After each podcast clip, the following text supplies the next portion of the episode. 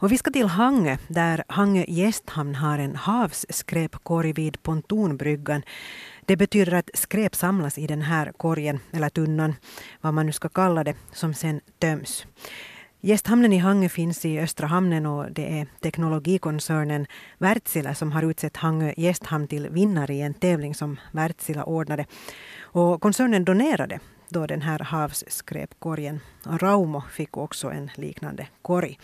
Jag har ringt till eh, gästhamnens hamnkapten Oskar Kavonius. God morgon. God morgon, god morgon. Ja, hur gick det till då den här skräpkorgen som kallas Seabin installerades vid pontonbryggan? Ja, det hela började med att vi ansökte om att få ta del av det här projektet och göra samarbete med Wärtsilä och de valde sen att de tyckte att det här var en bra plats och, och placera den här i Hangö. Och det var ju förra tisdagen som de sen kom, kom hit och installerade den. Hur fungerar en sån här havsskräpkorg?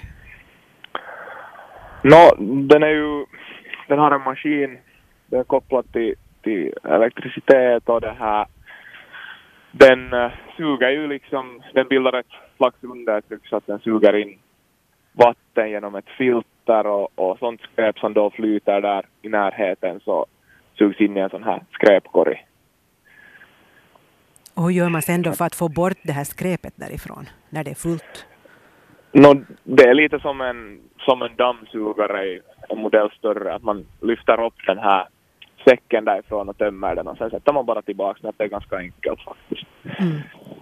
Hur ofta får ni tömma den här eh, skräpkorgen då? No, det beror lite på varifrån det blåser och, och så att den fylls ju ganska snabbt då när det faktiskt kommer in. Den är ju på ett ganska strategiskt ställe också placerat att det samlas ganska mycket där. Uh, men jag har nog på känna att sen när det börjar bli riktigt högsäsong så får man nog tömma den flera gånger per dag. Har du någon aning om hur mycket skräp det ryms dit, i, vad ska vi säga, i kilo eller något sånt här?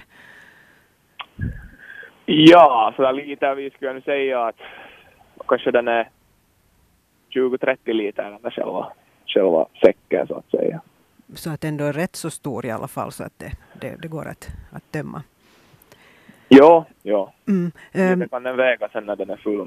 no, det förstås, ja. Vad, vad är det för sorts skräp som, som rinner in i, i den här havsskräpkorgen?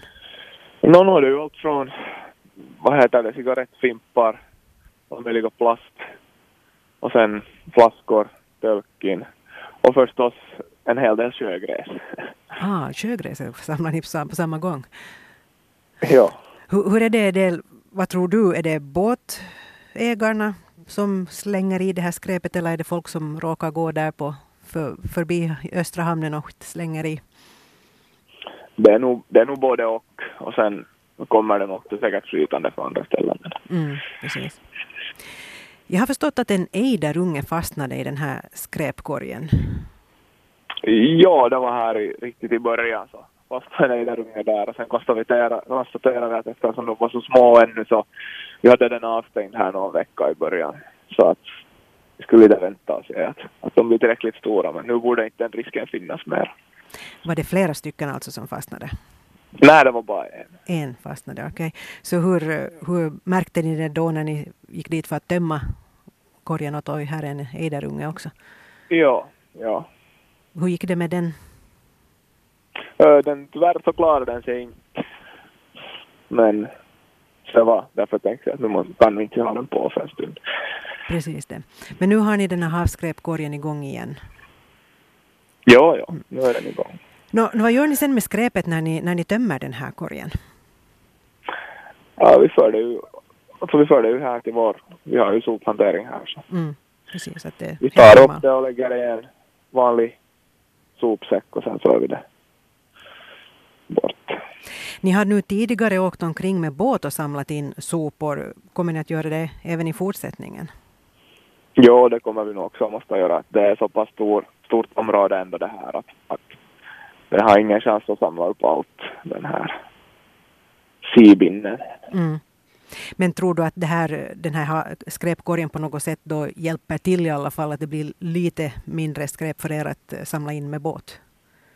Det tror jag absolut.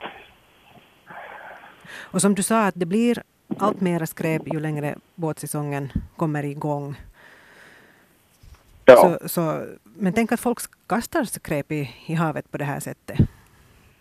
Ja, nu är det, det är nog faktiskt tyvärr beklagligt att det är så, men folk, folk gör det nog och, och, och sen är det förstås de här cigarettfimparna ett evigt problem. Att jag tror att folk har nog lägre tröskel för de där fimparna än, än på annat skräp också. Mm.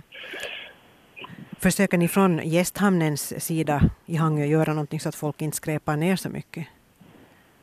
Nå, förstås så har vi ju, vi har ju våra trivselregler för hamnen och där står det ju att men att nu, är det ju, nu borde det ju vara självklart ändå, men att tycks ju inte vara det.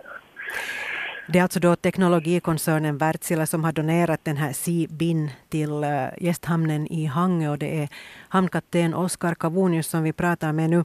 Hur länge får ni ha den här korgen i vattnet? Eh, eller är det någonting ni måste ge tillbaka eller hur, hur är det här nu fungerar framöver?